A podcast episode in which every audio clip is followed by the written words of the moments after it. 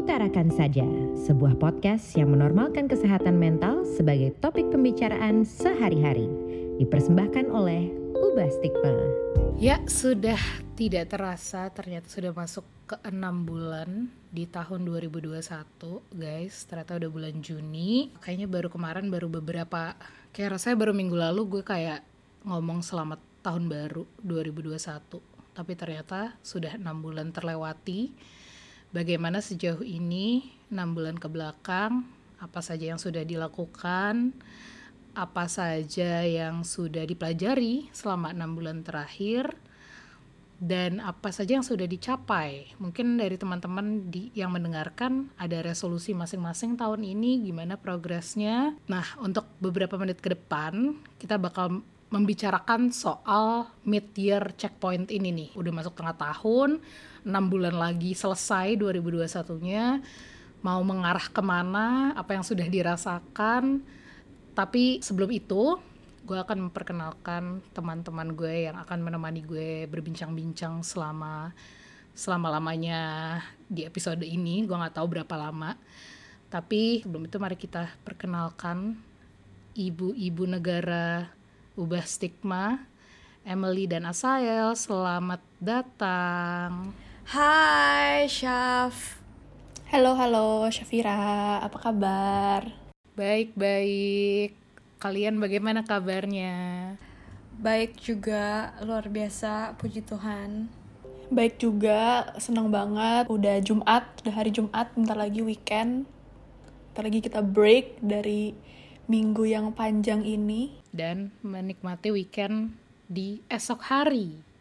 Ini kita hari Jumat recordingnya guys, malam-malam abis menyelesaikan pekerjaan masing-masing. Nah, dan beberapa menit ke depan, tentunya tadi yang gue udah sampaikan juga, kita bakal ngobrol-ngobrol aja sih sebenarnya tentang tahun ini so far berjalan seperti apa. Nah, speaking of mid-year checkpoint nih gengs, gimana untuk Emily dan Asael?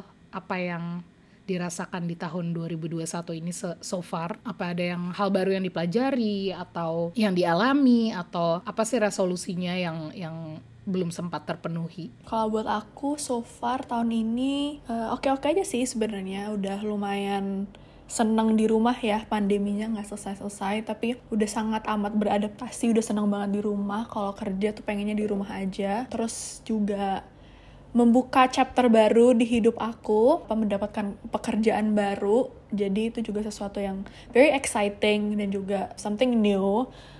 Dan selagi pandemi ini kayak we all need something new. Jadi so far so good, just coping with everything, take it taking it one day at a time. Tapi ya sih, um, so far aku nggak begitu punya New Year's resolution ya jadi kayak I just feel everything is good aja sih. Alhamdulillah. Kalau Asail bagaimana? Ya kalau aku kurang lebih sama sih sama Emily.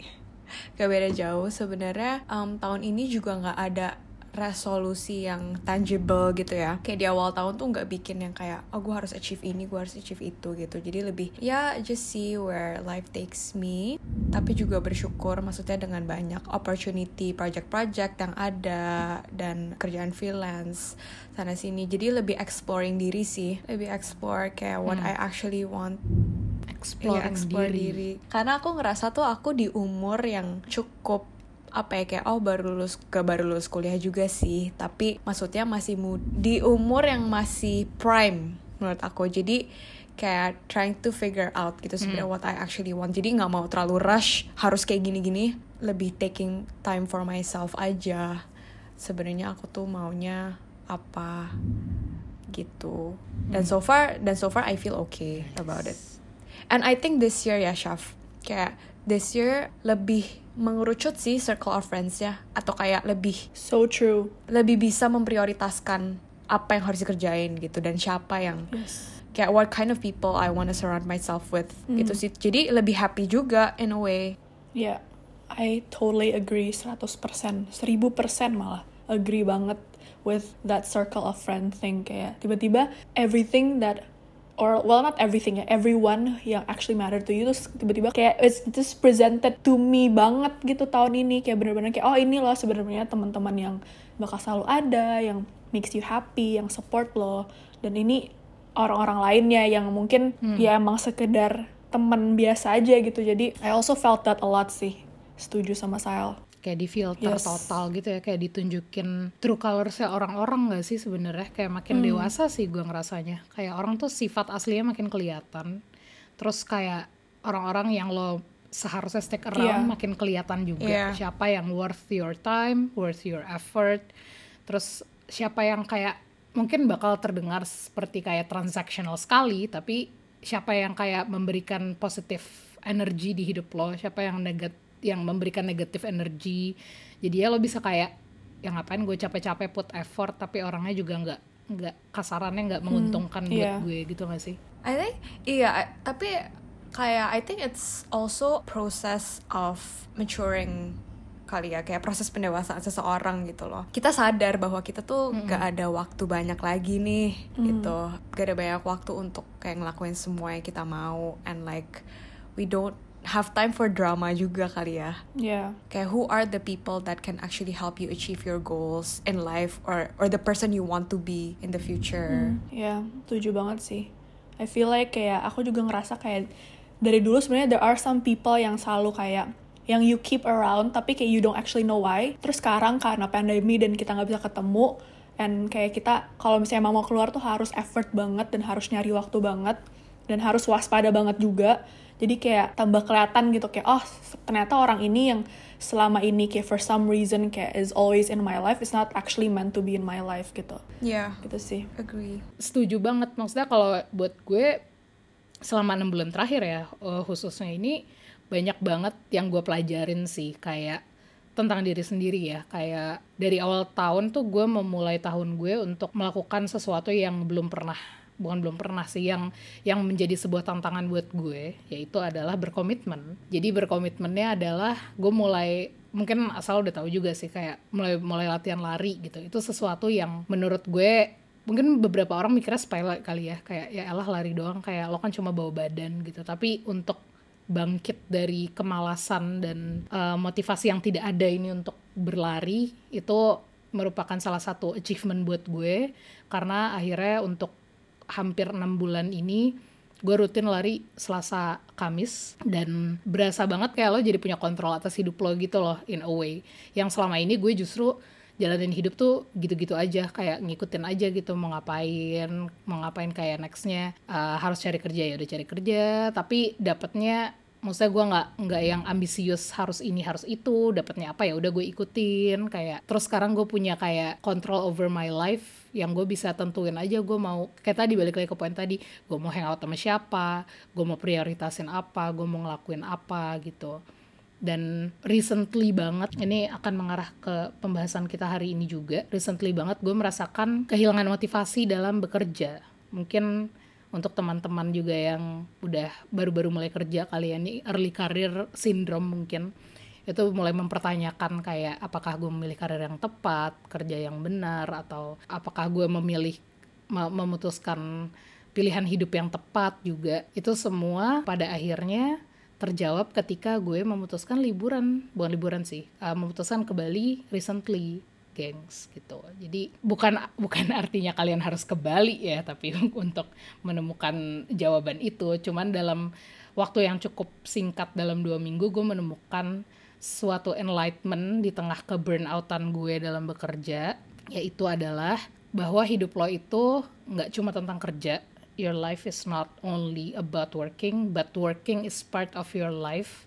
Working tuh bagian untuk salah satu cara dari dalam hidup yang harus kita lakukan untuk mencapai apa yang kita mau nggak sih? banget. menurut kalian gitu nggak? Gue gue dulu sebelumnya tuh ngelihat kerja itu kayak gue hidup nih harus Iya. kerja sampai mati gitu benar-benar kayak Yep. live to work when it's actually work to live Iya. benar gak sih what do you guys think on that on working working life lah I think this is really interesting karena mungkin mungkin Emily sama Shafira juga udah tahu kali ya kayak I am raised um, in a family yang my where my mom doesn't work gitu kan my mom is a housewife and so dari dulu tuh aku nggak pernah terpikirkan untuk kayak oh gue bakal kerja untuk selamanya gitu. Gue malah mikirnya gue akan kerja apa saat lulus kuliah untuk mencari pengalaman aja gitu. Cuman gue nggak pernah kayak uh, mindset kita beda gitu loh Syaf Jadi kalau misalnya perasaan kayak demotivasi dari kerja, of course sekarang, nah sekarang karena kita juga di era yang very fast, jadi ada perasaan of course di dalam diri gue sendiri bahwa kayak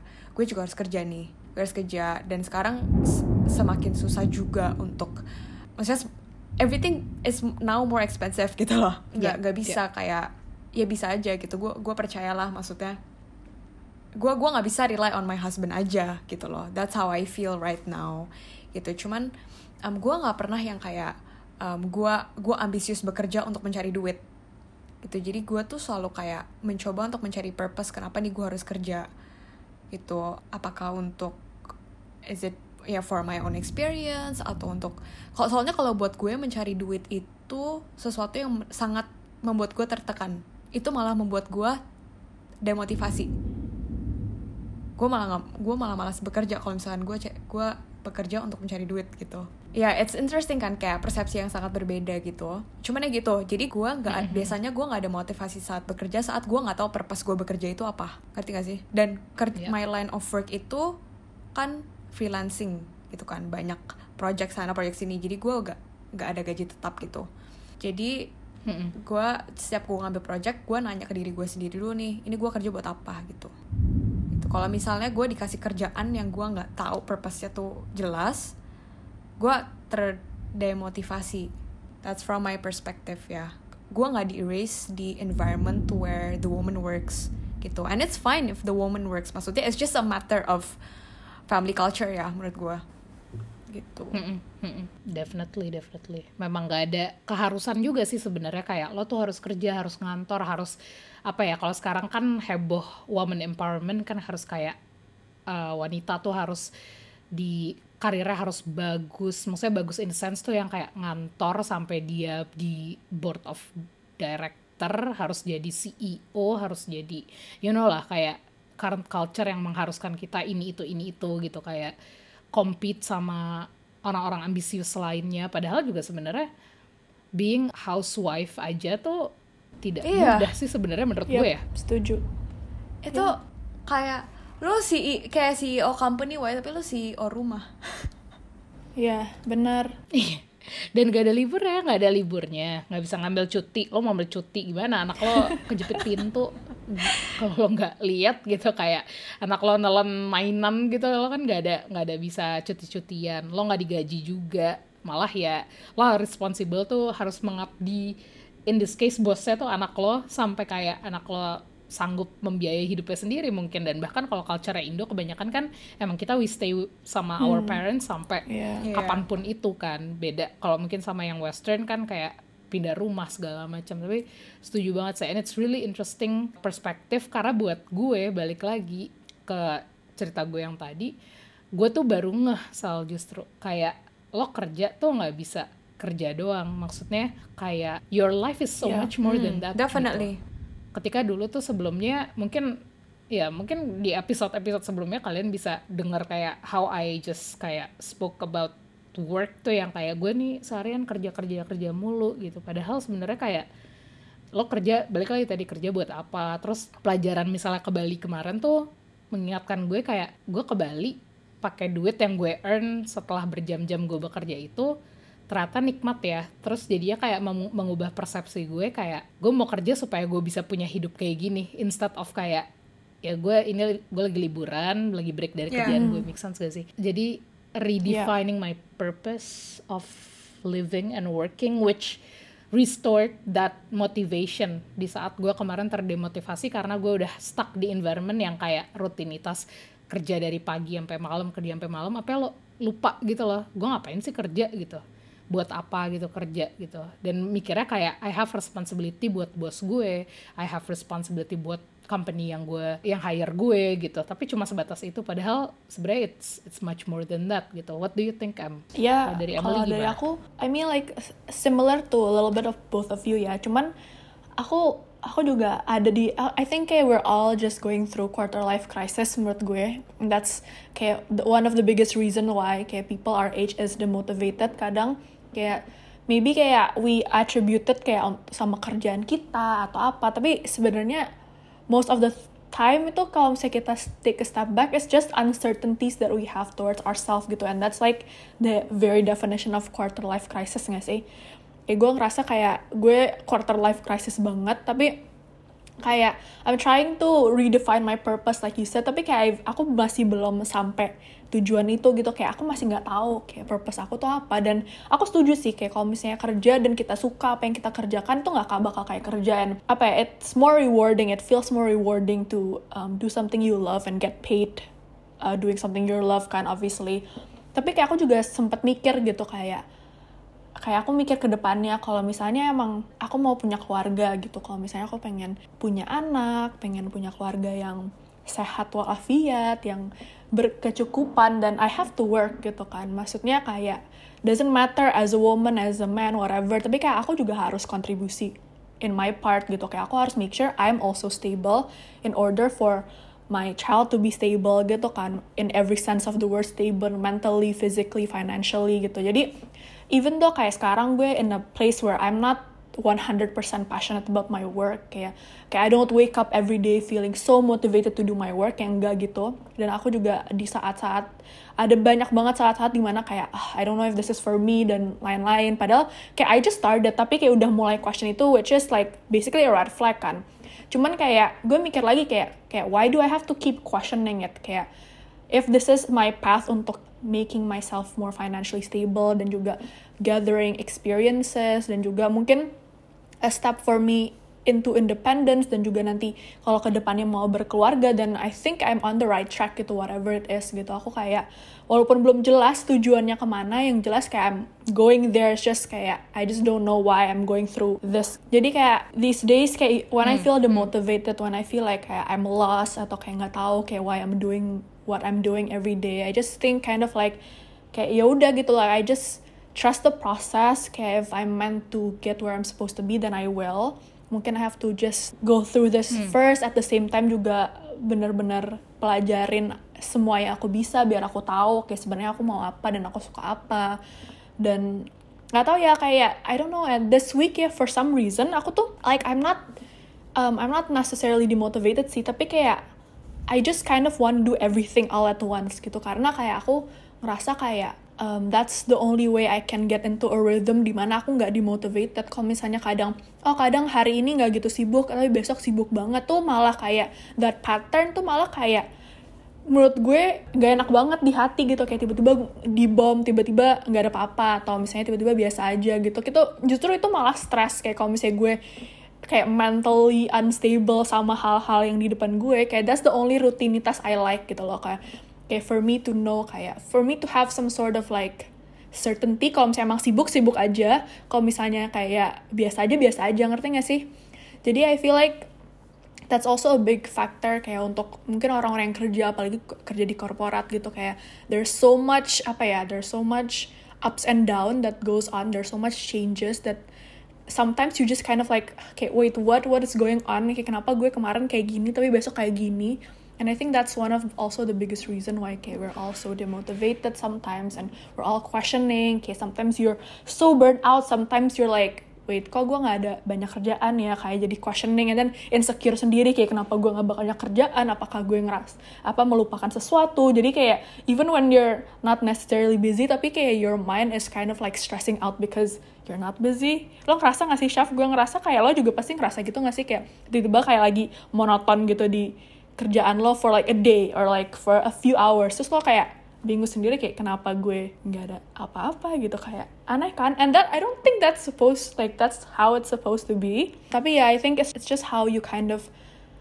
kayak for me kayak I just try not to overthink everything. Kayak kalau misalnya I'm demotivated dan kayak ya udah kayak I try to be grateful aja sih lebih kayak just be present and mungkin nyari-nyari hal yang mungkin lebih aku senengin atau misalnya kerja sambil sama teman atau sambil um, di luar atau just refreshing aja sih kayak aku udah nggak begitu mikirin lagi apa yang aku harus lakukan and what is my purpose. Soalnya kayak if I keep thinking about that I'll die. Kayak I feel like I'll just like explode cause I just don't know. Tapi kayak time will tell. Yeah. someday kayak if I keep like my options open kayak kayak pasti bakal ketahuan sendiri kayak what I'm actually meant to do gitu Nah menarik sih sebenarnya another interesting point karena tadi lo bilang kalau berarti kalau buat uh, Emily tuh Hmm. lebih ke rhythm ya gitu ada kayak stable antara kayak ya udah sibuk-sibuk terus kalau nggak sibuk ya udah nggak sibuk aja terus gitu kayak nggak bisa kayak ups and downs gitu manage stressnya itu uh, Iya. jadi challenging ya Em ya ya ya Nah dari tadi tuh kan kita ngomongin about demotivation, demotivation kan, demotivasi gitu. Mungkin yang dengerin juga kayak, ya gue tahu demotivasi tuh nggak termotivasi, tapi apa sih yang dimaksud dengan demotivasi? Nah sebelum kita lanjut, gue mau meng-input reference dulu. Jadi kalau menurut KBBI itu demotivasi itu adalah dorongan yang timbul pada diri seseorang secara sadar atau tidak sadar untuk melakukan suatu tindakan dengan tujuan tertentu. Itu kan motivasi. Nah, demotivasi adalah hilangnya dorongan tersebut gitu. Yang menarik adalah tadi kalau dari asal lebih lebih mendefinisikan ini correct me if I'm wrong, tapi kalau dari asal lebih mendefinisikan demotivasi itu kayak jatuhnya kehilangan dorongan yang kayak kehilangan purpose itu sendiri. Kalau Emily lebih kayak purpose-nya kayak ini gue ngelakuin ini bakal sampai ke mana nih? Kayak misalnya tadi lo bilang mau financially stable, mau lebih ke masa depan. Kalau asal lebih kayak tujuan gue melakukan aktivitas ini untuk apa? Kayak apa benefitnya di gue selain mungkin urusan financial? Kayak am I happy doing it gitu kan? Nah, yang menarik lagi adalah dari sisi tadi Emily bilang harus stable uh, gitu-gitu aja, lebih termanage. Tapi buat gue em, gue lebih prefer naik turun itu justru. Kalau buat gue, I I prefer it's very busy on one day and then rest day for the whole day and then gitu lagi. Jadi so I can manage my own momentum di situ. Maksudnya gue bakal dapat full rest day gitu. Setelah capek itu setelah capek seminggu minggu depannya gue santai. Nanti minggu depannya gini lagi gue santai. Jadi I have a moment to catch my breath dulu. Oke yuk lanjut gitu. And then what actually demotivates me apa yang mendemotivasi gue justru monoton tadi. Monotonnya maksudnya kalau sibuk-sibuk banget kalau nggak sibuk nggak sibuk banget itu kalau terus-terusan kayak gitu gue malah nggak bisa. Jadi what's interesting dari conversation kita ini justru we all have different perspective on the motivation sebenarnya. Dan mungkin teman-teman yang mendengarkan juga beda-beda kan perspektif dimotivasi tuh. Ada yang mungkin dari kerjaannya ada yang mungkin dari company-nya ada yang mungkin dari aktivitasnya ada yang mungkin dari orang-orang sekitarnya juga sangat mempengaruhi nggak sih? Dan menurut kalian ada lagi nggak sih kayak aspek yang bisa membuat seseorang tuh mengalami demotivasi? Mungkin dari asal dulu. aspek aspek yang membuat orang lain demotivasi. Apa ya?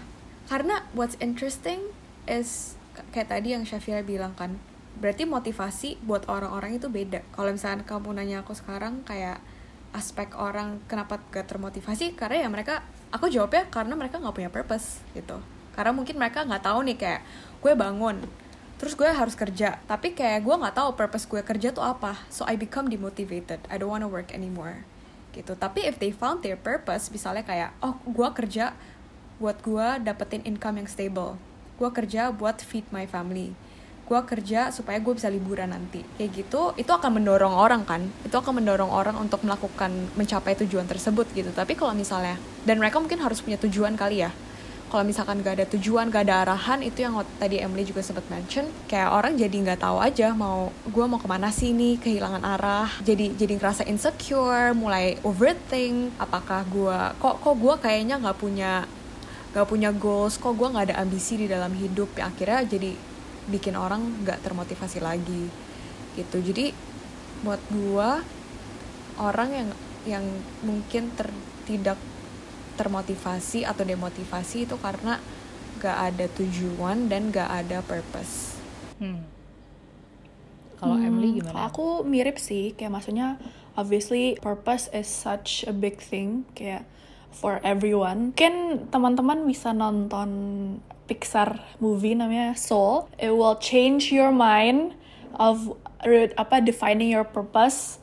Dan menurut aku itu film itu lumayan nge-redefine my own purpose sih. Soalnya kayak kalau kalian nonton ya, Soul tuh basically a Pixar movie talking about kayak how we should appreciate every day gitu-gitu kan. Instead of always trying to find our purpose. Kayak soalnya if we keep finding kayak trying to find our purpose, kayak we'll start to not appreciate what is actually in front of you. Dan itu pas aku udah selesai nonton tuh like it hit me hard because that's all I've trying all I've done gitu kayak I've always kayak apa sih kayak what's the point of this? Kayak misalnya kayak what is my purpose? Kayak what am I meant to do? Like what do I like? Gitu. To the point kayak I'm always just anxious about not knowing anything gitu.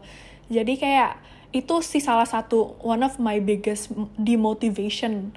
Kayak sempat gitu pas transisi dari lulus sampai sekarang dapat kerjaan tuh kayak one of my biggest demotivation untuk even nyari kerjaan aja karena gue nggak tahu gue mau apa gue nggak tahu my purpose tuh apa. Karena I'm like overthinking so much. Kadang kayak you just have to like live day by day as is gitu. Kayak not saying that kayak lo nggak harus mikir ke depan ya. Kayak of course lo harus mikir ke depan. Tapi kayak kalau misalnya you're too stressed out with what's and kayak what's not kayak belum terjadi all this time yang seharusnya you're enjoying yourself tuh bakal pass by banget gitu. So maybe that's one of the things yang bisa ngebuat orang demotivated and obviously juga if you're burnt out tuh pasti lo bakal demotivated if there's too much work or too little work pasti you're demotivated. Atau bahkan di era social media ini di mana kayak kita semua engaging in Instagram and TikTok sekarang kayak it's so easy for us to compare ourselves to others. We see everyone being ambitious dan kan nyadar gak sih kayak these days tuh kayak not kayak nggak cuman orang-orang yang di yang seumuran kita yang ambitious tapi orang-orang yang masih muda aja ambitious. That's why there's this new term called uh, kayak youth activist gitu-gitu kan. Which is great. I I love kayak like people taking an action dan lain-lain. Tapi kayak it is such a big pressure gitu loh kayak untuk ngelihat misalnya anak-anak SMA anak-anak yang baru mulai kuliah yang udah apa mempunyai ambisi dan kayak keinginan untuk apa ya berdampak ke dunia. Min wah aku pas kuliah gue ngapain kayak what was I doing? Jajan. Nonton kayak nonton TV series kerjaannya. Iya. nonton bioskop kayak nggak mikirin apa-apa kayak nggak penting banget kayak nggak berguna banget gue pas SMA jadi kayak all this thing yang makes you compare yourself with others and your journey with others itu sangat menurut gue tuh uh, uh, apa a big contribution to why a lot of people are demotivated. Karena kayak ya udah kayak apa kayak they're kayak I can't compete with them kayak why do I even try gitu kan. Jadi maybe that those are some of the reasons why um, kayak I myself also get demotivated karena alasan-alasan itu semua sih gitu. I think if I kayak kalau gue boleh um, apa emphasize yang tadi comparing ourselves with others tuh definitely merasa demotivated saat kita stop focusing on our own lane. Itu kayak misalkan nih misalnya kayak kita udah punya tujuan kita udah tahu nih purpose kita tuh apa. Tapi kayak we get so easily distracted. Karena kayak the world there there's so much noise gitu loh. Kayak oke okay, udah mau mulai fokus udah kayaknya gue tahu nih jalan gue kayak gini-gini. Terus kita mulai compare ourselves with others atau kita mulai kayak even even for myself ya kayak even looking at like a post of someone on Instagram itu tuh kayak bisa membuat gue am I am I actually living my life the right way? Bisa muncul pertanyaan seperti itu di dalam pikiran gue. Itu kan udah sangat tidak sehat kan? Kayak so I'm trying to put myself in the mindset where the gra the grass is not always greener on the other side. Kayak water your own lane gitu loh. Yeah. kayak your your lane your field hmm. can be green too. You just have to water it gitu.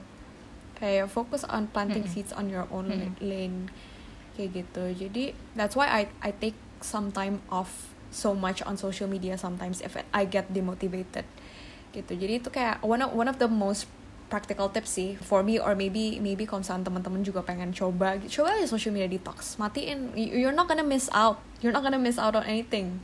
Kecuali kalau matiin TikTok. TikTok baru miss out sih Sal. aduh TikTok yeah, miss out TikTok miss out banyak sih asal banget. tuh miss out banyak banget Iya, kalau kita iya. ngomongin TikTok tuh dia dia nggak Iya, tahu mas. international super spy sama atau mari kita coba FOMO nih, FOMO nih, Morning. FOMO. gue sampai Yeah. download TikTok guys cuman akhirnya nggak pernah buka belum Buka kayak deh. belum Buka deh, belum sempet buka deh. TikTok sih TikTok tuh escape. TikTok as an escape ya betul. Termotivasi. kalau kalian mau kayak masuk ke dunia yang Hmm. antah berantah yang kalian kayak quit aja gitu dari Iya. kehidupan kalian yang Masuk sekarang TikTok. masuklah ke TikTok gitu, sangat sangat amat. direkomendasikan tapi kadang tuh suka ini ya jadinya menghilangkan motivasi tapi nggak demot juga sih kalau di TikTok tuh nge-scroll aja Iya. tiba-tiba udah seharian udah malam gitu kayak lo perasaan gue baru bangun gitu kok seharian gue TikTokan doang jadi lo kehilangan purpose lo untuk hidup malah jadinya Iya. kalau ke- kebanyakan TikTokan jadi hati-hati ya guys jangan pakai timer pakai timer. Jangan kelamaan. Tapi recommended. Tapi anyways setuju banget sih yang tadi Asal dan Emily bilang. Itu kalau bisa gue put into apa ya kayak gue nggak mau bilang kayak konsep. Tapi kalau kita bicara soal dimoti- eh, soal motivasi ini ketika lo ngomong dorongan dorongan tuh nggak nggak datang dari satu hal. Dorongan tuh adalah combination dari apa yang asal Emily mention tadi. Dari purpose dari security slash mindfulness. Jadi security itu bukan berarti kayak lo udah discover apa pun itu yang lo mau pursue in life. It's not about re- redefining purpose itu bukan kayak gue udah tahu tujuan hidup gue di dunia ini gue mau jadi nabi gitu misalnya. Kayak it's not about that gitu. Kayak it's it's about kayak lo bakal from time to time tuh bakal bakal redefine your purpose terus gitu mungkin buat sekarang say tadi kita baru semuanya masuk ke quarter life crisis tapi nanti once lo 30 lo bakal redefine lagi purpose lo apa. Lo 40 lo redefine lagi. And then being mindful being secure quote unquote yang tadi Emily bilang kayak ya udah lihat jalanin aja apa yang di depan mata lo gitu. Nggak usah sibuk mikir kayak ini kerjaan bener gak ya? Ini yang gue lakuin bener gak ya? Nggak usah sibuk kayak overthinking tentang decision lo karena kita nggak pernah tahu. Again kan it's uncertain gitu loh. Kayak kita nggak pernah tahu apa yang terjadi besok bahkan. Apa apakah besok bos gue bakal marah-marah atau bos gue bakal cuti? Mungkin jadi gue bisa punya Monday gue free gitu. Itu kan kita nggak pernah tahu.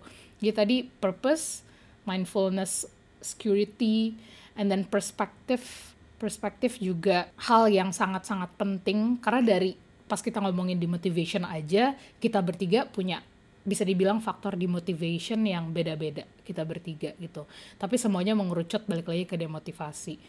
Sama halnya tadi yang asal bilang comparing yourself to others gitu. Bisa emang most of the time ketika kita ngelihat rumput tetangga yang lebih hijau ini kita langsung ngelihat rumput kita sendiri seolah-olah kayak gue orang paling payah sedunia gitu.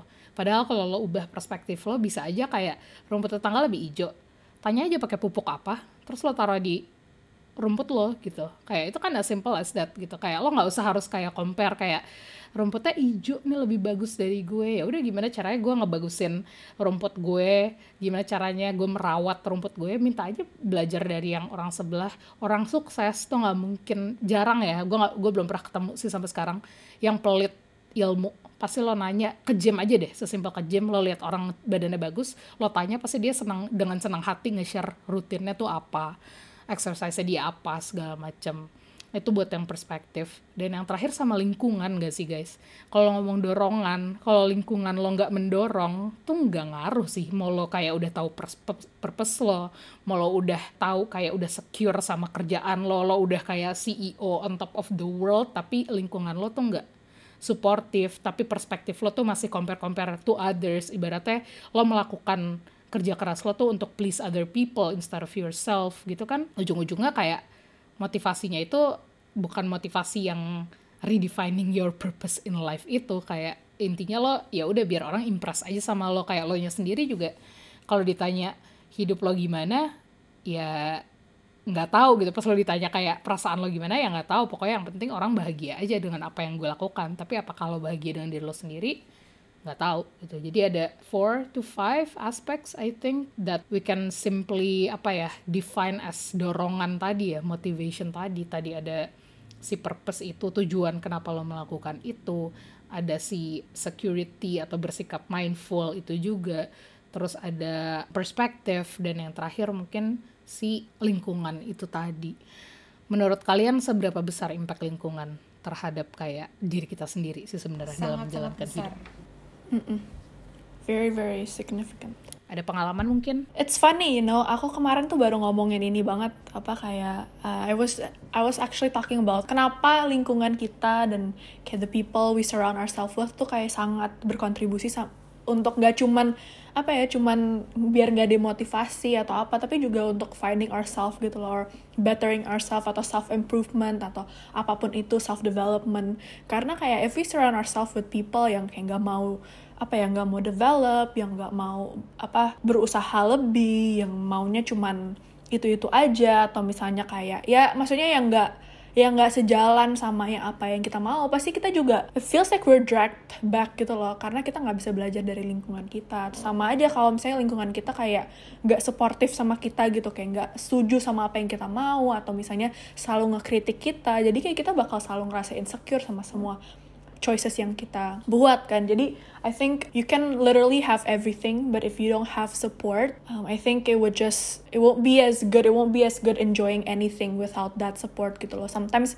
that's why kayak banyak banget misalnya orang yang mungkin nggak se apa ya nggak seberkecukupan itu tapi punya circle yang baik, yang punya support system yang baik, punya keluarga yang baik, atau punya teman-teman yang baik, tapi masih bisa senang banget sama hidupnya dan bisa kayak bener-bener live every day like it's the best day in comparison untuk kayak misalnya tadi Syaf bilang kayak CEO udah kayak kaya raya bisa beli apa pun di dunia ini ke mana pun di dunia ini tapi kayak nggak punya that circle of friends gitu. Apa ya kayak rasanya it, it's not it's not worth it gitu loh to have that much but you don't have anyone to share it to gitu. Jadi I think it's very important for us to have that circle of friends dan kita sebagai manusia juga we have the need to belong in a group kan? Jadi kalau misalnya kita nggak bilang in a group kayak susah banget kayak will live so miserably aja gitu. Jadi I think that's itu udah nature kita aja sebagai manusia untuk have to be a part of a certain social group. And that's why support system is very important sih dan kalau misalnya kita tarik balik lagi kayak di motivation terus ke poin mid year checkpoint ini ya maksudnya dalam enam bulan dalam setahun orang kan biasanya tuh ngeset resolusi dalam di awal tahun udah udah mikirin pokoknya gue tahun ini mau ini ini ini ini gitu kayak banyak sekali checklistnya kan biasanya orang-orang itu. Dan udah sampai tengah tahun tiba-tiba ngerasa kayak kok gue nggak nowhere near my resolution gitu, nowhere near my target gitu. Sebenarnya ini balik lagi ke poin-poin yang tadi kita bilang sih, kayak it's all about the purpose dan situation kayak ya elah setahun boro-boro setahun sehari aja lo nggak bisa ngepredik kan apa yang kejadian apalagi setahun gitu maksudnya kita udah ngeplan sedemikian rupa gue mau ini mau itu mau ini mau itu tapi balik lagi kan ke situasinya balik lagi ke poin kayak enjoying the process. Tadi Emily bilang appreciating the process. Kayak udah jalanin aja dulu dan take your time taking it day by day. Bener-bener nggak usah terlalu fokus sama resultnya sih. Itu juga yang sebenarnya gue personally sangat pelajari tahun ini tuh kayak gak gue juga pun salah satu yang ikut-ikutan membuat resolusi itu tapi ternyata pada akhirnya gue drop juga. Karena itu tadi kayak kebanyakan hal-hal yang lo berusaha kontrol pada akhirnya juga you cannot control kayak hidup lo tuh lo bisa kontrol diri lo tapi lo nggak bisa kontrol hi jalan hidup lo gitu sih sebenarnya. Jadi kayak kalau misalnya teman-teman di sini ada yang merasa dimotivated karena belum achieve apa-apa selama enam bulan ini coba deh di refleksikan lagi. Gue gue nggak percaya sih kalau orang bilang enam bulan tuh belum ngapa-ngapain. Enam bulan tuh waktu yang lama loh. Kayak pasti ada aja hal-hal yang udah kalian lakukan if you ask me gue bisa bilang kayak gue nggak ngapa-ngapain. Tapi kalau misalnya di breakdown hal-hal kecil kayak ngambil cuti terus kayak starting my healing journey itu kayak something big gitu achievement buat kita semua. Which this leads to my next question. Dari kalian berdua apa yang kalian rasakan yang berkontribusi dengan kayak kehidupan kalian sehari-hari nih selama enam bulan terakhir? Besides tadi urusan karir gitu. Ada nggak let's talk about the smaller things yang kita perlu sangat perlu untuk appreciate guys yang mendengarkan. Um, for me it's still in the process sih, tapi aku udah mulai untuk say no to things that I don't want. Tapi also memulai untuk lebih lebih mau memberi kepada orang lain sih kayak even like just small small skills gitu. Kayak misalkan mau minta bantuan apa tolong aku kayak yaudah gitu. Kadang soalnya soalnya aku tuh orangnya sangat organized ya. Orangnya tuh sangat organized. Jadi kayak I already have checklist throughout the day tuh mau ngapain. Even to the smallest sampai waktunya juga. Kayak jam segini gue harus kayak jam segini I don't like it when people interrupt my schedule. Kayak I don't like it when some even kayak orang mau minta bantu gitu. It stresses me out tapi gue belajar untuk lebih let go. Kayak ya udah lebih penting it's I feel apa ya kayak seharusnya I serve people dulu daripada kayak my own ambitions or whatever. Un unless kayak deadline atau sesuatu responsibility gue ya. Misalkan kayak gue jam 2 benar-benar harus ada speaking engagement ya gue nggak gue tetap responsible with my work gitu. Cuman kalau misalkan the small things yang kayak some interruption in my schedule I tend to let it go jadi gue lebih I think I think also karena kayak re realigning my purpose juga gitu. Kayak for me it's serving people. That's why that's why gitu kayak the small things. Sekarang sekarang kalau orang minta bantuan apa even though it interrupts my schedule ya gue lebih belajar dan itu lebih gue lebih less worry gitu. Awal-awalnya susah cuman sekarang jadi lebih free buat gue malah. Gue ngerasa lebih free gitu. Terus gue juga olahraga lebih baik olahraga dan tidak terlalu memikirkan apa kata orang lain sih. Gitu. Jadi kayak kalau gue mau ngelakuin sesuatu gue lakuin aja. Gue nggak mikirin kayak ah kira-kira tapi kalau gue gue ngajain ini ntar dia mikir apa ya? Gitu. Gue kayak at the end of the day you know what? Not a lot of people people care about you to be honest. Yeah true. Kayak at the end of the day people Yeah. do it apa ya maksudnya ya mau nggak mau kayak it's it's just human brain gitu biased Nice, nice, nice. Kalau aku- em apa em? Actually, like this year, I'm very proud of myself sih. Se- Sebenarnya selama pandemi ini kayak, I feel like kayak the big, the three biggest thing yang I've achieved within myself itu kayak yang pertama kayak obviously kayak aku sehat-sehat aja. Aku mencoba se- seperti kalian mencoba menempuh hidup yang lebih sehat, olahraga, makan yang lebih teratur, makan yang lebih sehat dan lain-lain. I feel like that's what we do um, selagi kita lagi banyak waktu di rumah atau banyak waktu yang kita nggak laku apa ya yang kita nggak spend in traffic kita bisa lakukan di rumah dan berolahraga dan ber, apa kayak berkonsumsi makanan yang sehat itu I feel like everyone's doing that and aku juga lagi menuju sana sih untuk lebih sehat lagi. Not because kayak I wanna look good atau gimana kayak I just kayak feel better when I exercise when I eat something kayak healthy gitu sih. Itu one. Yang kedua itu yang I've realized banget has increased over like the span of a year is my self confidence kayak aku ngerasa aku lebih I'm more secure with myself I'm more self assured with myself. Like I don't try to question apa kayak stuff about myself that I used to. Kayak misalnya dulu kayak oh, I always feel incompetent I always feel like I'm not good enough not pretty enough I'm not happy enough I'm not successful enough. Tapi sekarang kayak every day I'm just like kind of like kayak why did I even think about it? Like I'm awesome. Kayak what the hell was I thinking? Gitu loh. Kayak kayak selama ini kayak how could I not think I'm awesome? Kayak I'm so smart. I'm like so awesome. Kayak I've done so much in my life gitu. Jadi kayak ngerti gak sih? Kayak it seems like cocky but kayak awal-awalnya kayak when I say those stuff like I don't actually believe it. Tapi right now like I believe it wholeheartedly.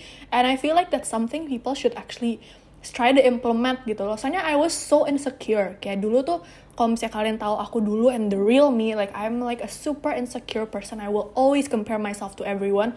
Mau itu orang awam atau itu my own best friends I will always compare myself and I will always feel like I'm not good enough. Jadi for me to actually feel like I'm like smart I'm awesome like I'm aku keren banget. Itu and genuinely minder itu ke sesuatu buat aku gitu loh kayak untuk and kayak I aku ngerasa kayak no one helped me in that. Kayak kayak maksudnya of course kayak my family and my friends and like people I surrounded surround with tuh nggak pernah apa ya make me feel like I'm anything less.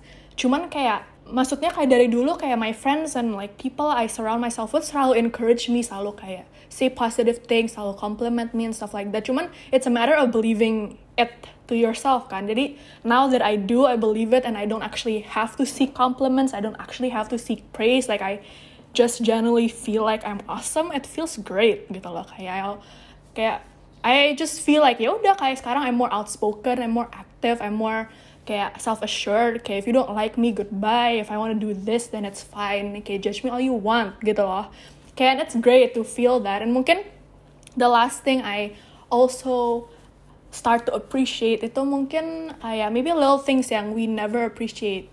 Kayak which is waking up in the morning. Terus gue mau TikTok. Timbot Nah, semen guys kalau kayak gini gue nggak ngerti.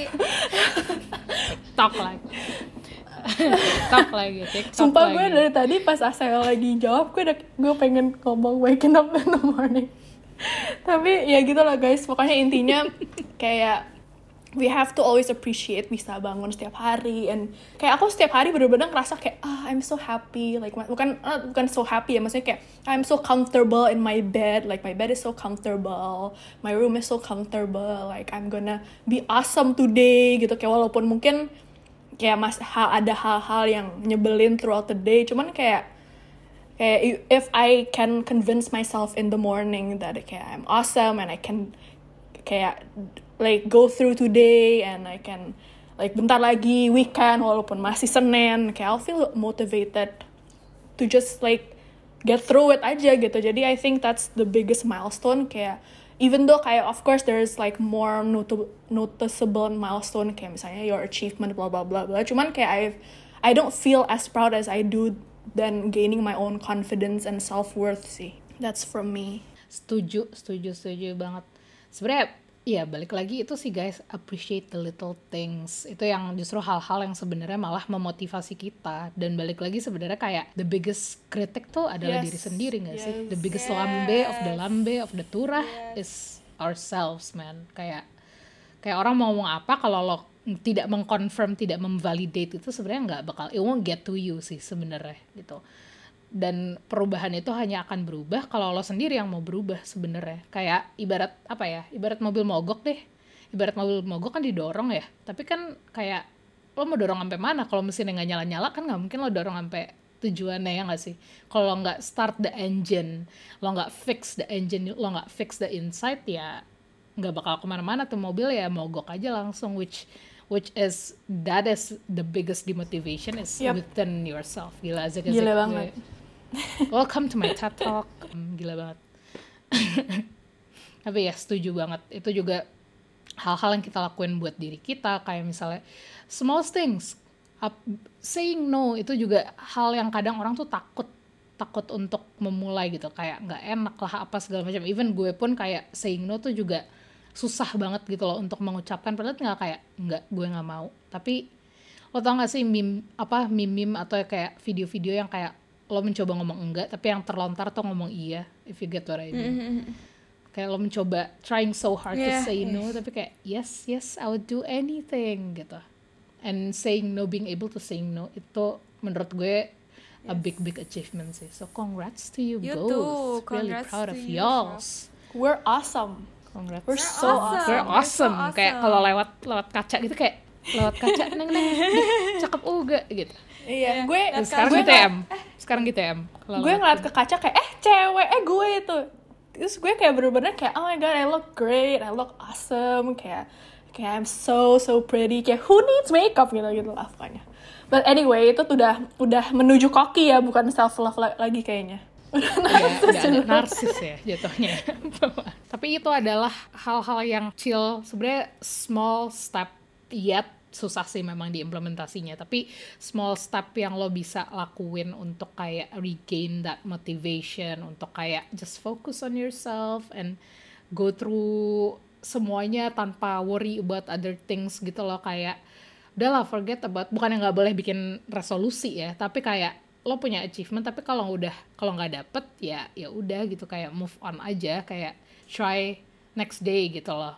Bukan berarti lo nggak memenuhi itu terus habis itu hidup lo hancur gitu loh kayak nggak juga gitu kayak karena kita nggak pernah tahu kadang kan opportunity datang tiba-tiba gitu kan di luar Betul. ekspektasi. Betul betul. Ya kan ya kan. Nah speaking of demotivation ada juga sebuah gua nggak tahu ini fakta atau mungkin ibu-ibu negara ubah stigma ini bisa menjawab ya. Demotivasi ini apakah sama dengan kemalasan? Apakah kalau gue capek kerja gue nggak mau kerja hari ini gue males? Gue actually I googled it demotivation versus laziness. Gue baca ya. Ya, jadi kalau pokoknya. menurut diplomatis dikit dong jawabannya Tapi gue setuju, gue setuju sama Mbah Google. Menurut Mbah Google, laziness is having a reason to do something but not wanting to. Kalau unmotivated is having no reason to do something. Berarti balik lagi, berarti balik lagi to whether you have purpose or not dong. Ya kan? Iya, iya betul, Iya. betul. demotivated ya lo udah nggak ada dorongan itu udah nggak ada purpose itu udah nggak nggak pikiran lo ke mana-mana udah nggak mindful udah nggak di tempat lo kehilangan lingkungan lo dan lain-lain lain-lainnya dan yang lo hanya lakukan hanya berdiam diri seperti mobil mogok ya nggak sih? Berarti kalau bisa dibilang berarti kalau kayak gitu demotivasi itu berbeda dengan rasa malas. Karena malas itu udah ada purpose-nya tapi lo nggak ngerjain aja. Tapi tapi kalau misalnya kalau misalnya lu udah demotivated nih terus kayak lu lu malas untuk mencari tujuan lu gitu. Ini gimana tuh? Tambah rumit ya, Sal. ya kan?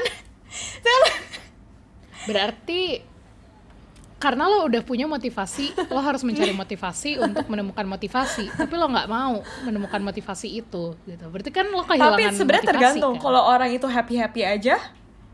Sebenarnya kan kayak em, yang membuat demotivasi itu buruk itu kan karena what kayak bisa bikin lu ngerasa feel bad about yourself dan bila merugikan diri lo dan merugikan orang lain gitu.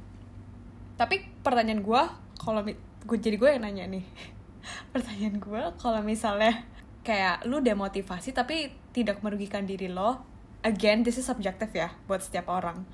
Tapi misalkan lu merasa itu tidak merugikan diri lo dan tidak merugikan orang lain gimana? Misalnya kayak lu um, you're not you're not a father gitu. Kalau misalnya father kan mungkin kalau misalnya lu dimotivated tapi lu merugikan anak lu jadi mereka nggak bisa makan kan itu itu malas kan. Maksudnya maksudnya itu sudah tidak apa ya egois egois gitu. Tapi kalau misalnya demotivasi ini sebenarnya tidak memberikan dampak negatif gitu is it a problem? Do you guys think?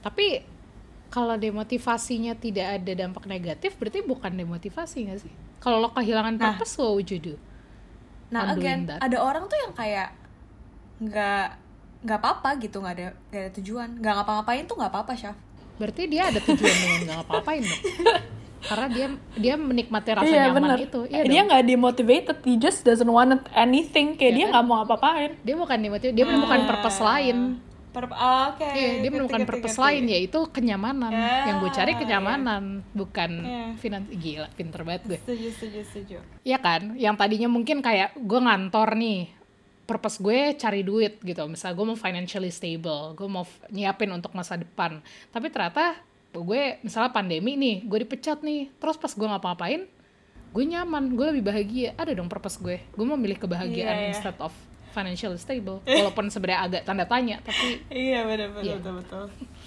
kayak why would you choose happiness yang sekarang dibandingkan nanti Iya. cuman ya choice, Choice, and kan, different situations iya. terjawab pertanyaannya ini ini podcast apa komunitas Bukan debat gue nggak tahu diskusi diskusi biar seru kan diskusi diskusi Iya, tapi good point, good point. Makes me think. Berarti tidak sama, guys. Demotivasi dengan malas itu tidak sama. Nah, tadi kan ngomongin kayak kalau misalnya dia udah nggak ngapa-ngapain, berarti nih orang demotivasi yang tidak merugikan dan lain-lain tadi kita bahas kan. Tapi untuk ketika orang demotivated nih, ngebalikin motivasinya itu gimana caranya? Atau kalian deh, kalian biasanya kalau demotivated, what would you do? ngobrol sama orang cari inspirasi Refreshing. yes Zencation. Iya, itu atau enggak ke Bali nggak deng? Apa? Refleksi lah, ref- refreshing Oh. bener. Jadi ke Bali ke Bali sekarang is is Iya. is a must gitu. Cara lo Iya. mengembalikan motivasi Iya, lo ke Bali. Jadi pertama lu motivasinya nyari duit kan buat pergi ke Bali. Tuh, jadi motivasi pertama buat ke Bali, terus lu motivasi lagi buat mencari purpose hidup lo. Jadi double motivation. eh, iya lagi gua gua lagi itu ngejok, motivasi woy. gue. iya, itu motivasi gue. Jadi gue nyari duit buat gue bisa liburan enak. Terus gue ke Bali tuh gue pakai tuh duit gue yang gue cari. Taunya enak guys, kayak traveling yang nyaman tuh enak. Jadi gue sekarang motivasi gue cari duit supaya gue bisa keliling dunia dengan nyaman dan tenang gitu. Jadi gue punya purpose sekarang. Yang tadinya gue kayak berkarir doang, sekarang gue kayak gue punya gue pengen punya hidup yang gue nggak usah worry tentang uang. Jadi gue ya udah, gue kerja mau sampai mati juga ya jangan sih kalau gue mati gue nggak sempet nikmatin duit ya tapi ya gitu itu that's my purpose Justru malah kayak lo kerja kerja sekarang, lo kerja keras sekarang, ngumpulin duit sekarang biar lo bisa retire cepet terus yaudah the rest of the your life umur misalnya Yoi. 40 traveling aja mau mati kan enak kayak gitu mending lo sukses sekarang untuk Iya. senang-senang nanti ya nggak Syaf Yo, setuju banget. 30 under 30 nggak usah Iya. masuk Forbes. Gue mah udah liburan aja cukup gue. Liburan sampai udah nggak tau lah. Tinggal duit tenang-tenang ngambang di kolam di villa gitu kayak uh, goals. 40 and happy goals. Berarti itu tadi ya kalau buat kalian. 40 and happy Iya. 40 and happy. kelamaan ya deh 40, 30 kayaknya. Bu- 20 and happy udah lewat. Udah 24 lupa. 30 30 deh, 30 30 and happy. deh. Ntar lagi sih 30 Ntar lagi bisa lah 6 tahun. Cukup ya? Cukup lah. Mm-mm. ini nambah nambah pikiran nih nanti malam Kita kayak iya. sih. Tonight. iya nih guys. Terus berarti kalau buat kalian mengembalikan motivasi itu tadi kalau salah ngomong sama orang kalau Emily justru take the Iya. time off ya. Zencation buat lo tuh berarti kayak berdiam diri sendiri maksudnya liburan sendiri atau kayak tetap harus rame-rame sama orang atau Um, gimana? kayak basically break sih. Kalau gue to be honest I'm not the solo traveler type so aku harus traveling sama orang lain. Um, jadi untuk teman-teman yang teman-teman utarakan saja yang nggak tahu zencation itu sebuah kata yang kita buat yang tim Ubah Stigma buat. Jadi it's a combination of zen and vacation. It's obvious tapi kayak basically it's atau zen dan motivation. Kan cation cationnya apa? Motivation. Motivation. Motivation vacation to find motivation you know baru lagi gengs ide bisnis baru ide bisnis baru Iya, Oke, basically lanjut. kayak kalau aku break sih, uh, break tapi enggak.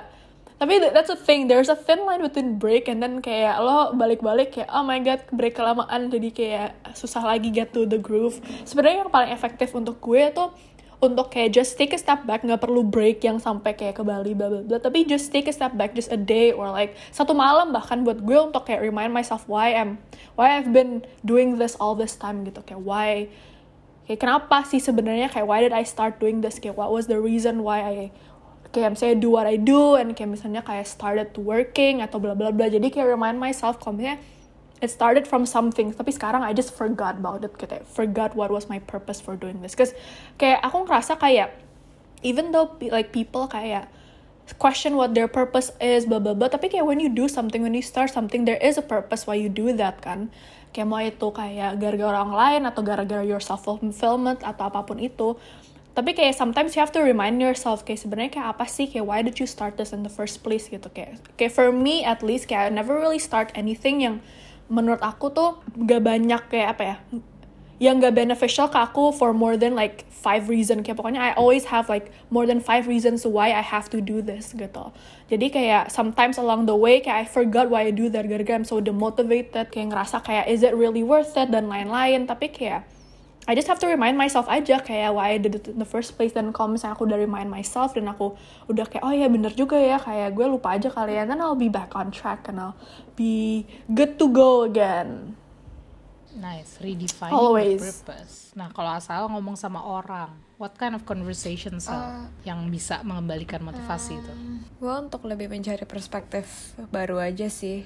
Cause I think I've been very apa ya lumayan di maksudnya kalau di ranah kerjaan tuh kayak mental health yang ngomonginnya mental health doang gitu kan and especially during pandemic during pandemic jarang banget I set up a meeting with kayak someone just to chat about anything gitu. I find talking with my friends yang curhat tentang kerjaannya yang very different sektornya with me tuh kayak refreshing. And I guess cause I've always been interested in people, apa I've always been I I love to listen to people even though it's draining sometimes. Tapi kayak I find I find my purpose in listening to people. I guess that's why talking to people tuh kayak motivates me gitu loh. Kayak oh ya yeah, this is why I'm here gitu jadi I'm definitely taking breaks juga cuman talk to people and also get their perspective kalau misal itu itu masalah kayak apa ya kalau yang talking to people and reminding myself of like I feel like my calling is to serve people ya I feel motivated in that aspect. Tapi kalau misalkan untuk minta feedback for myself itu juga gets me motivated. Kayak misalnya gue yang curhat gitu loh. Kayak gue tuh lagi in this season of my life. Terus gue lagi merasa kayak banyak banget project gini gini gini. Gue nggak tahu mesti gimana. And then like just receive feedback from different people tuh motivates me sih gitu. Hmm, perspektif ya, berarti external perspektif yang di luar apa lingkup yang biasa Yeah, lo I love terlibat new ideas ya. sih. Kayak sometimes I can get really stuck with my own thoughts or like the way I see things. So new ideas, I yeah, I, lo- I love new ideas aja from other people. Menarik sih, kalau Emily tadi regain the motivation itu dari kayak taking a step back, terus thinking about so many things ya nggak? Terus apa namanya? redefining the purpose, kayak ngapain, why am I here, tapi in a sense kayak bertanya ke diri sendiri kalau uh, asal justru dari luar perspektif apa yang dia bisa dapet, terus apa yang bisa akhirnya kembali lagi sebenarnya nge-redefine the purpose tapi dari remindernya dari luar gitu. Ada dua dua cara dan gue yakin sebenarnya pasti masih ada. Beda orang sebenarnya beda beda preferensi. Sebenarnya nggak bisa dibilang ada cara mengembalikan motivasi itu A B C D gitu kayak nggak bisa di list down gak sih? Kayak beda orang beda beda metode gitu. Sebenarnya balik lagi ke kita sendiri what what drives your motivation gitu sebenarnya. Kayak nggak bisa misalnya dengan asal bilang gue nyaman dengan cerita sama orang berarti kalian yang mendengarkan juga harus cerita sama orang supaya dapetin motivasi. Nggak juga tapi bisa juga menjadi referensi mungkin gitu. Jadi balik lagi ya kan? Em, balik lagi ke orangnya apa yang buat kalian nyaman dan apa yang sebenarnya mendorong kalian sih. Ada juga yang termotivasinya by example. I personally prefer kayak dari example maksudnya dapat perspektif orangnya tuh lebih kayak gue ngelihat dia ngapain itu yang malah justru memotivasi gue. Kayak bikin gue nge-reflect terus gue jadi termotivasi untuk melakukan hal-hal gitu. Itu bisa bisa jadi salah satu cara juga gitu kan kalau kayak gitu gitu kalau untuk teman-teman yang misalnya masih merasakan demotivasi sampai sekarang kalian kira-kira apakah ada pesan-pesan nih untuk mereka di luar sana yang mendengarkan podcast ini dan berharap ada satu kunci utama untuk menghilangkan demotivasi Things will get better. Lagi-lagi, Chef. Lagu kita itu emang inspirational. TikTok Tapi ya. lagu itu tuh sangat motivational, dan sangat inspirational. Waking up in the morning. Tapi Hmm, thinking about so many things, I just wish things could get better. Itu gue setiap hari, setiap kali. Dia mau itu anthem dunia. Eh tapi anyway. Balik ke laptop, pesan-pesannya gitu ya. How to get out of your rut gitu. Kalau gue sih kayak sebenarnya it's okay, it's okay to be demotivated, it's totally normal. Tapi kayak just kayak know that it's that you have to get out of it sometime gitu loh. Kayak kalau misalnya you're too um, you're too comfortable in your demotivation, kayak you're just lazy at that point. Jadi kayak it's okay, malah justru demotivation is sort of like a reminder for you aja for you to like bener-bener take a step back and remind yourself kayak why you're doing your what you're doing kayak bener- bener-bener sih kayak apa yang Asal bilang kayak redefining your purpose I think sometimes that's why people get demotivated karena they tend to forget why they're doing it and mereka udah jadi robot yang harus ngelakuin itu setiap hari misalnya apalagi orang-orang yang mungkin kerja di kantoran dan lain-lain jadi um, I think um, you don't have to feel terlalu too bad about yourself for being demotivated. It's totally normal. People um, go through it all the time. It's just how you get back up aja sih. Kayak bounce back, how you get back up, how you find your motivation lagi, how you try your best untuk find what is missing and what is making you demotivated and how you can avoid that. But yeah, itu sih menurut aku. It's- Life is not about the destination, life is about the journey. Yeah. Udahlah, Asik. udah itu udah penutup Anjay. Udah, penutup yang Gila, sangat life, gila, gila, gila, gila. udah. Life is a climb. Life is a Kalau kata Hannah Montana tuh life is a climb. Life's a climb. Life's Don't forget to keep climb. climbing. Jangan berhenti ya, jangan berhenti. Yeah. Ingat ingat destinasi kalian. Iya. Um, it's Life's okay to climb. take breaks. Kayak misalnya kita lagi naik, kita naik gunung kan pasti capek kan, kayak nggak bisa langsung naik gitu. Kadang kita juga kayak gila, de- terdemotivasi gitu kayak, wah masih masih jauh ya gitu. So it's okay to take breaks, istirahat dulu. Terus lihat view-nya gitu kan, kayak eh, actually Iya, this not betul. not bad. Kalau misalnya um, nyampe ke atas kayaknya bakal lebih bagus lagi nih, jadi termotivasi lagi. Just don't forget to climb up. Yes. intinya intinya adalah demotivasi itu tuh kayak lampu merah guys jadi lo berhenti itu sesaat tapi abis itu harus jalan lagi Kok nggak lo ditabrak gitu. Ya. Nih ya kalau nggak lo maju, lo lagi lagi merah lo maju kan nubruk gitu, lo nggak bisa maksain dong. Kalau merah tuh berhenti, dibilang berhenti tuh berhenti dulu. Lo harus tahu kayak, oh ya nunggu hijau dulu deh, ini gue belok kanan atau belok kiri ya. Jadi lo punya waktu untuk menentukan.